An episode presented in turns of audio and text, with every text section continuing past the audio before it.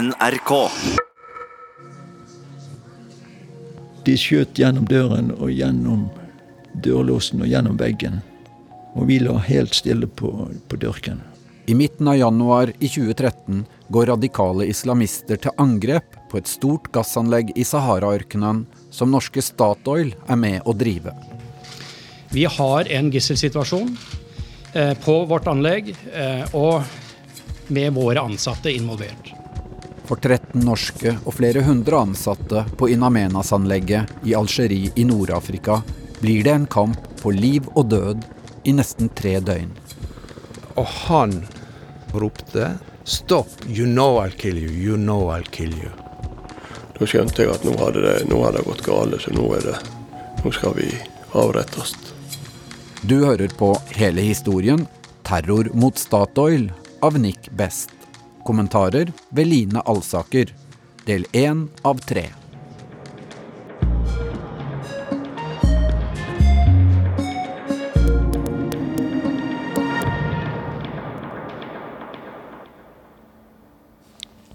Jeg bruker å si det at du, du har to familier. Du har en familie der nede, og så har du en familie hjemme. Og det er ditt andre hjem. I januar 2013 er Bjarne Våge vedlikeholdssjef og én av 13 nordmenn på jobb på Inamenas gassanlegg i Algerie. Det er klart det var lange dager og mørke kvelder, men om dagene så gikk vi Vi møttes i, i, i lunsjen og, og, gikk turer, da. I 40 varmegrader. Vi var veldig oppsatt på å trene og holde oss i god form der nede. Anlegget drives av norske Statoil, britiske BP og det algeriske statlige oljeselskapet Sonatrak. De utenlandske ansatte jobber tolv timers arbeidsdager, med fire eller fem uker av og på. Du går på fargetoner, en slags gul fargetone. Du går på litt grus og småstein, og så kan du ha områder med sand. Og, og det er veldig stilt. Prosjektleder Kolbjørn Kirkebø har jobbet på Inamenas litt over to år. Turen han og de norske ansatte gjerne går, er den 3,5 km lange veien mellom boligkvarteret og prosessanlegget. Du er nå på en måte innenfor de områdene som vi, som vi kontrollerer. Og du føler aldri noen far. Jeg har aldri følt en slags frykt eller fare også å gå ute, da. Men du er veldig fjern når noe veldig brått skjer. Både boligkvarteret og prosessanlegget ligger i en militært kontrollert sone, og er beskyttet med doble gjerder som er 2,5 meter høye. Mens veien mellom anlegget og boligkvarteret ligger åpen. Algerie var ikke liksom noen plass hvor, hvor, du reiste som turist. Det var et land hvor vi visste det var, kunne være uroligheter. Kjell-Jan Kversøy er leder for data og kommunikasjon på Inamenas, og har kontor i en by lenger nord i Algerie. Det er første gang han er tilbake på Inamenas på sju måneder. Vi så jo, når vi, når vi fløy og kom ned til Inamenas, så så vi det at det sto tungt militært utstyr på flyplassen. Det var for å være observante mot grensa til Libya sånn som, sånn som vi forsto det. I 2013 er situasjonen i Nord-Afrika urolig. I Libya, få mil unna gassanlegget, har det vært anarki og borgerkrig siden Gaddafi-regimets fall. Og i området rundt Inamenas har det vært kidnapping og selvmordsbomber.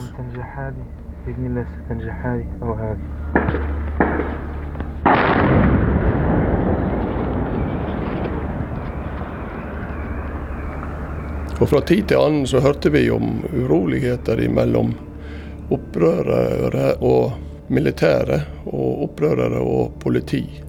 Politi og militære de fikk aldri fred.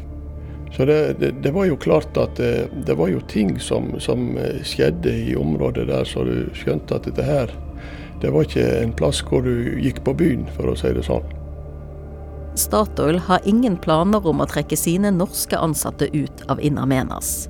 For Statoil og de andre selskapene stoler på det algeriske militæret og politiet, som har ansvaret for sikkerheten rundt anlegget. Vi fikk jo rapporter om alle terrorangrep som eh, var i, i området der. Da. Det fikk vi jo eh, oppsummert en gang i måneden.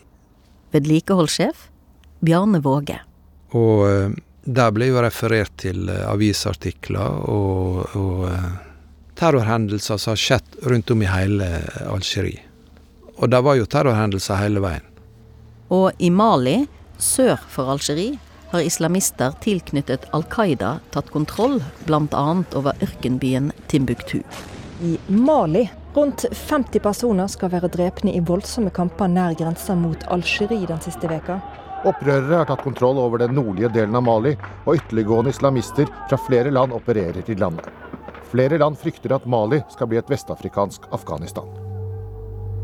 Men det ble aldri endra noe på beredskapsforhold. Uh, altså, det ble ikke heva nivået uh, som gjorde at det ble gjort noe spesielle tiltak.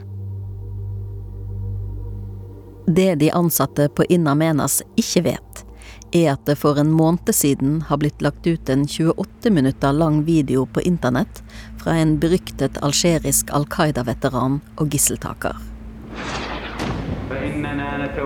Han heter Mukhtar Belmukhtar. Bedre kjent som Mr. Marlboro pga. antatt sigarettsmugling. Belmukhtar har blitt kritisert av ledelsen av Al Qaida i Nord-Afrika for bl.a. å ikke ha utført noen store terroraksjoner, og for å være egenrådig. Dermed satser Belmukta på sin egen terrorgruppe. I videoen der han sitter med Kalasjnikov og stirrer enøyd inn i kamera, advarer han alle vestlige land mot å gripe inn i konflikten i Mali. Filmen får ikke stor oppmerksomhet, men Belmokhtar skal bli en person politiet og media kommer til å bruke mye tid på.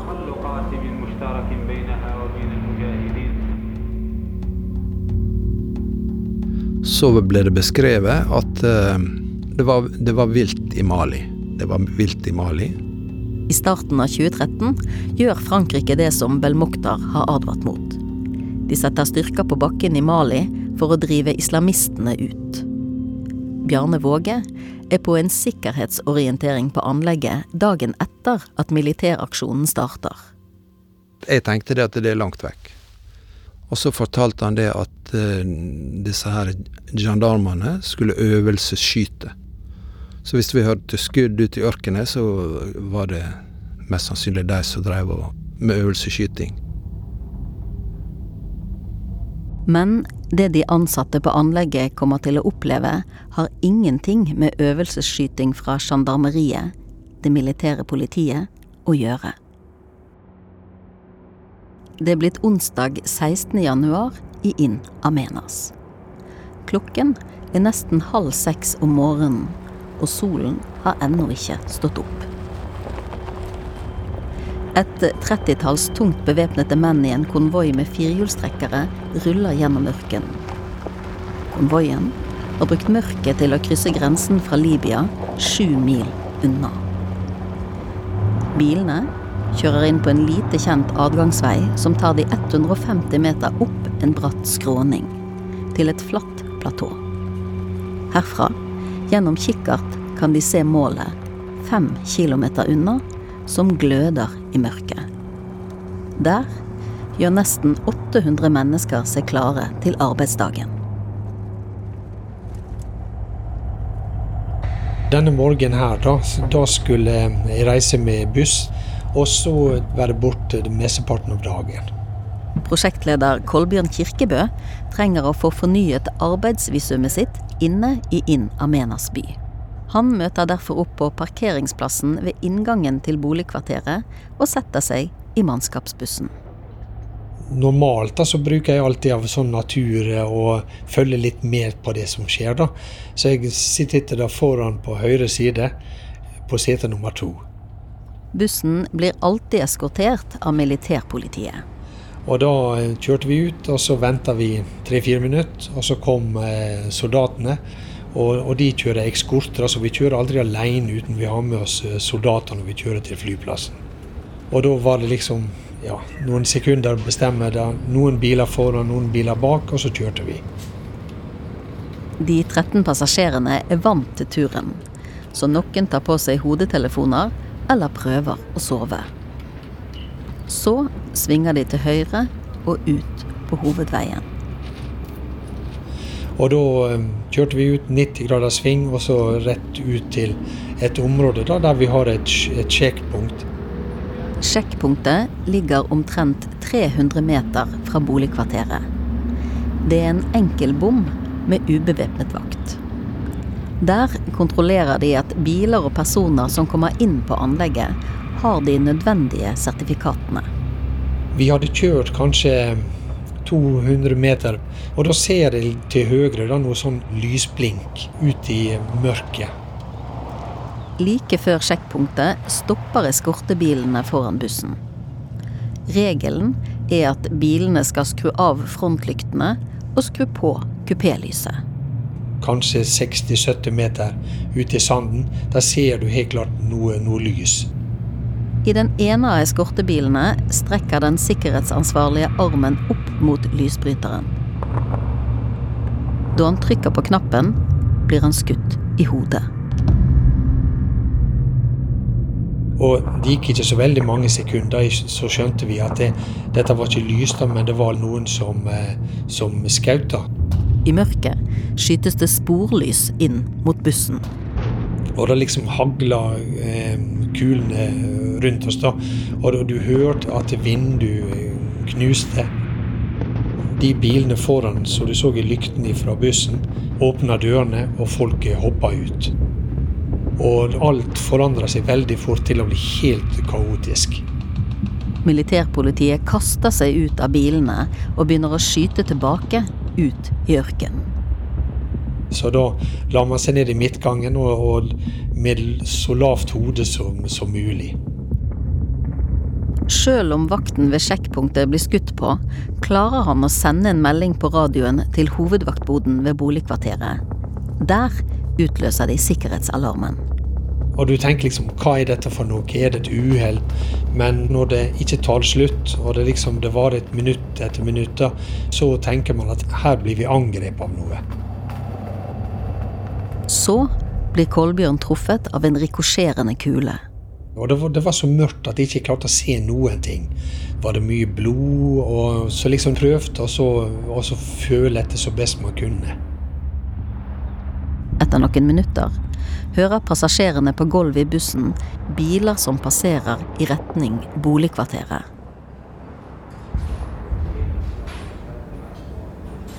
Så hørte jeg fjern skyting. Så, jeg tenkte OK. Så tok jeg ryggsekken på meg og gikk ut. Kjelljan Kversøy, som er på et tredagers besøk, går ut av kantinen i boligkvarteret da han hører lyder utenfra. Så hørte jeg at alarmen gikk, og det var skyting tett innpå oss. Kjell går rundt hjørnet av kantinebygningen mot en av de andre lave murbygningene. Rett bortenfor ligger inngangen til boligkvarteret. Og da, oppe i gangveien, så sto det biler. Og det sto folk der og, og, og skjøt. Det var jo mørkt, så jeg så eh, eldlågen ut av geværmunningen. da. Kjell lurer på om det er en øvelse. Så tenkte jeg er det øvelse det her? Det, det var noe veldig så, så voldsomt konstruert. Han bestemmer seg for å gå tilbake inn i kantinen. Og akkurat idet jeg snudde meg, så kjente jeg et fryktelig tungt slag mot venstre hofte. Og jeg ble slått i, i bakken på kne. Flata ut på knærne, da. Så prøvde jeg å røyse meg igjen. Og eh, idet jeg skulle være i ferd med å, å røyse meg, så litt framoverlent og skulle komme meg opp igjen, så fikk jeg et nytt slag, og denne gangen var det i venstre skulder. Og da det slo meg helt ned igjen. Kjell er blitt skutt i hoften og skulderen og nå ligger han på bakken noen meter fra inngangen til kantinebygningen. Han klarer ikke bevege venstre arm og venstre bein. Så jeg eh, brukte høyre fot og høyre albu, og så krøp jeg mot bygningen igjen. Han åler seg bort mot trappene inn til kantinen. Der drar noen kollegaer han inn på gulvet. De fikk jo av meg klærne, da. Og så kom de med bunke med servietter. Eh, det blødde jo bra. Og så ble eh, skytinga enda mer intens. Kollegaene hjelper Kjell så godt de kan med skuddskadene, mens han ligger under en rustrød bordduk. Imens går inntrengerne fra bygg til bygg i boligkvarteret på jakt etter utenlandske arbeidere. De skyter gjennom dørene og vinduene og roper på engelsk at alle skal komme ut. Og så var det utrolig mye skyting og, og kuler i alle retninger. Og veldig mye skriking og høying inne på det området der. I kantinen finnes det ikke så mange steder å søke dekning. Noen klarer å klatre opp på en kjøledisk og gjemmer seg over takplatene. To andre drar Kjell inn i et lite tørrlager hvor mange lokalt ansatte har gjemt seg. Og der inne i rommet var det tett med folk.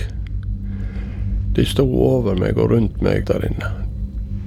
Men så kommer en lokalt ansatt med en beskjed. Nå er det over, sa de. Alle kan, alle kan gå, unntatt eh, expats. Inntrengerne er kun interessert i de utenlandske ansatte, expats. Så mens alle de lokalt ansatte algerierne forlater rommet, gjemmer Kjell og de to andre seg fortsatt i mørket. Og så var vi tre igjen i det rommet der. Og så var vi der i en god del tid.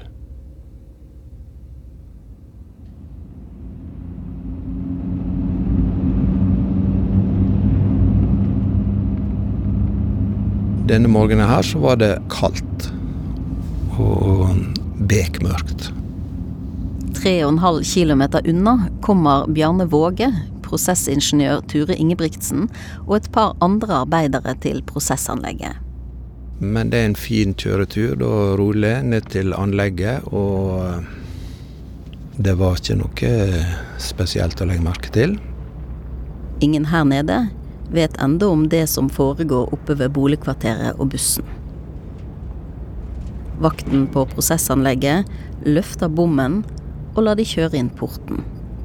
På denne tiden av døgnet, når det er mye trafikk, lar vaktene ofte portene stå åpne. Bjarne parkerer bilen mellom to bygninger. Der har han og Ture hvert sitt kontor. Så vi gikk hvert til vårt. Bjarne gikk inn i sitt kontor. Vi tre andre vi gikk over til vårt kontor, som er på motsatt side av veien. Og uh, begynte å lage litt uh, kaffe, som vi gjør vanligvis på morgenen. Mens Ture og hans kolleger begynner dagen i kontorbrakken, så går Bjarne inn i operasjonsbygget på den andre siden av parkeringsplassen. Tre andre norske er allerede på jobb. Og jeg gikk eh, til pulten min og, og, og la fra meg iPhone og starta PC-en. Og eh, der var jo praten allerede godt i gang, og litt latter og ja, fin stemning. Fin morgen. Mens Ture og Bjarne drikker kaffe, kommer en bil kjørende ned fra boligkvarteret.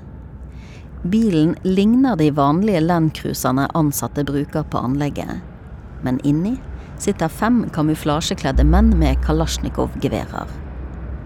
Bilen kjører sakte mot vaktboden. Så plutselig så gikk lyset, og så begynte alarmen. Og eh, da eh, sa han Hans Han sa dette her var en blackout. Det var ikke en shutdown. Altså en kontrollert nedstenging. Det var blackout. Det er en kule som har truffet en transformator. Dermed blir det strømbrudd over hele anlegget. Det eneste Bjarne og de andre skjønner, er at hele prosessanlegget nå stenges ned. Og eh, alle spratt opp da, liksom, og Men jeg gikk ikke rett og tok på meg eh, klær. Jeg gikk ut, for jeg ville se om, om det brann i fakkelen. Mens de andre tar på seg ytterklær, vil Bjarne sjekke hvor mye det brenner i fakkelen på utsiden. En stor flamme betyr at anlegget tømmes for store mengder gass. Og stakk nesa bare ut av uh, hoveddøra der, som sto ulåst. Og uh, ser mot fakkelen, og ser at der er det full fyr. Men da i samme nuet, når jeg står der med nesa ut gjennom dørsprekka, så hører jeg noe uh, ta, ta, ta, Og så ser jeg som en sånn ild det, det, det, så ut som fyrverkeri, for mine tanker var på fyrverkeri. Bjarne tror at det er sjåførene som frakter de ansatte rundt, som holder på med fyrverkeri. De krever fast ansettelse i Sonatrak, og har derfor streiket i et halvt år. Jeg tenkte at nå, nå har sjåførene nå er de blitt crazy. Nå skal de skikkelig skremme oss her, ikke sant. Statoils operasjonsleder har fortalt Bjarne om et møte som ble holdt kvelden før, mellom de streikende og ledelsen. Han sa at det var et veldig skarp tone i, i det møtet. Så det var tydelig mye misnøye blant folk, og at det, de kunne være sinte på oss. Så eh, jeg gikk inn igjen og bare slapp døra bakpå igjen og kom inn. Ture Ingebrigtsen sitter fortsatt sammen med de tre kollegaene på den andre siden av parkeringsplassen. Så plutselig eh, så hører vi noe eh, skarpe smell utenfor kontorbraka vår. Og lurte på ja, hva kan dette være? De skarpe smellene er ikke fyrverkeri. Det er skudd fra en kalasjnikov. Inntrengerne skyter mot vaktene, mens de prøver å lukke portene til prosessanlegget. Og så kikket vi ut døren, og da så vi det kom to biler. Sånne Toyota med lasteplan på. da. Så kom uh, kjørende opp der nede ved parkeringsplassen. Og så uh, bevæpnede, maskert eller kamuflasjekledde folk sto rundt denne bilen. På prosessanlegget er det kun installert brannalarm. Så for å utløse en sikkerhetsalarm må noen manuelt trykke frem og tilbake på en knapp så alarmen går av og på. Men ingen trykker på knappen. Så da brannalarmen uler, begynner dermed ansatte som ikke har sett inntrengerne, å vandre mot samlingspunktene. Alle er litt usikre på hva som skjer, og hva de skal gjøre. Bjarne Våge er sikker på at det er sjåførstreiken som er grunnen til alt bråket, da han løper inn igjen. I, da, i, i, i, gangen der sier jeg akkurat det som på en måte jeg hadde tenkt. At nei, nå er de blitt eh, Nå, er de, nå skjer det her. Nå er de, nå de lynforbanna. Nå skal de skremme oss.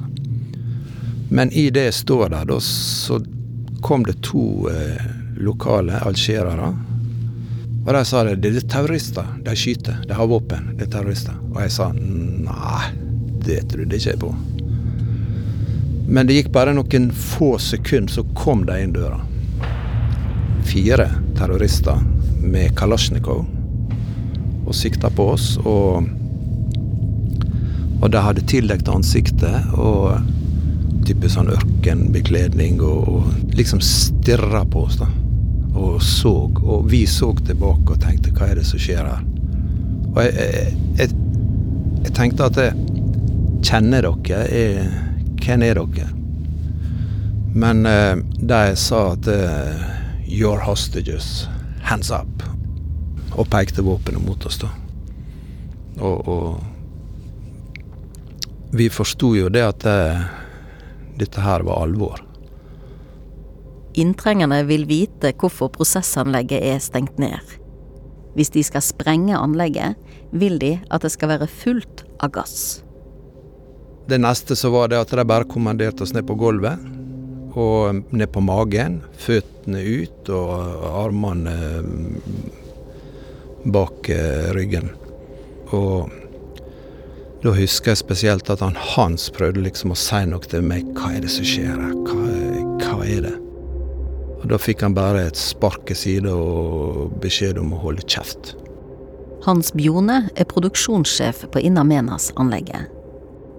Så blir de kommandert opp fra gulvet og ut til parkeringsplassen. Og det var mørkt, og alarmen gikk. Det eneste lys vi så da, det var at det, det sto en bil med frontlysa på. Der må Bjarne og de andre legge seg ned på magen igjen. Beina ut. Du kunne liksom ikke støtte hodet ditt på asfalten, for der var det sånn perlegrus. Altså det, steiner som, som, eh, som hvis du la det ned på, så fikk du det inn i skallen. Så begynte de å stripse oss med hendene på ryggen. Det var én strips rundt hver arm, og så en imellom. De var aggressive. Sparka borti oss hvis vi prøvde å si noe. Og han Hans spesielt, han hadde på seg en hjelm. Og den bare sparka de bortover asfalten. Og jeg lå bare og venta på at nå, nå skal de trakke, trakke på hodet mitt, slik at det knuser skallen eller et eller annet sånn ned i denne asfalten der. Og eh, da hadde vi ingen kontakt. Vi hadde ikke øyekontakt. Det var så mørkt, vi, vi, vi så vi, vi, kunne ikke kommunisere. Og eh, de var endelig ferdig med å, å, å stripse da, som jeg kaller det, så kom lederen rundt, og så sjekka han. Han tok ned de og liksom sjekka alle at det var i orden. Og så eh, Den ene bilen som står der, kom der en bil til, en Landcruiser. Landcruiseren kjører opp og parkerer ved siden av pickupen. Inntrengerne fordeler gislene i de to bilene. Bjarne Våge havner på lasteplanet til pickupen, mens Hans Bjone blir plassert i Landcruiseren. I den sammenheng så fant jeg ut hvor mange terrorister som var rundt oss der. Eh, for da at de satte to fram i forsetet, og så var det tre opp på planet. To foran meg og en bak. Og så var det to i baksetet på denne her Landcruiseren, og, og to foran. Så jeg fant ut det var ni terrorister. Så ser Bjarne noe han blir urolig av. Bak på lasteplanet på denne her pickupen, så, så var det som et gruslass. Altså det var en, en haug med noe, med en presenning over. Og bilen eh, var lasta tungt, og, eh, og, jeg tenkte der er ei 500 kilo med et eller annet. Han tror at det han ser, kan være sprengstoff. Jeg ble lagt på en måte på rygg oppover med, med beina i kjøreretninga, slik at jeg lå og, og hadde utsikt framover. Fortsatt med hendene på ryggen, eh, stripsa. Når alle er lastet inn i bilene, kjører de fra stedet. Gjennom døråpningen i kontorbrakken har Ture Ingebrigtsen fått med seg at Bjarne Våge og de andre kollegaene har blitt tatt til fange. Nå ser han at de to bilene kjører mot det eksplosjonssikrede området og kontrollrommet. Og da forsto vi at dette var ikke noen øvelse, i hvert fall. Det kunne ikke være militære, det kunne ikke være gendarmeri. Dette er noe alvorlig på gang. Så vi trekker oss inn i, i kontorbygget vårt. Eh, går inn på et kontor og eh, barrikaderer oss. Inne på kontoret flytter Ture og de andre et stort arkivskap foran døren. De løfter en tung eske med måleinstrumenter oppå skapet og begynner å sende SMS og ringe til andre kolleger for å høre hva det er som skjer. Klokken er nesten seks, og solen skal snart stå opp. På under en halvtime har rundt 30 menn klart å ta kontroll over hele anlegget i Inn Amenas.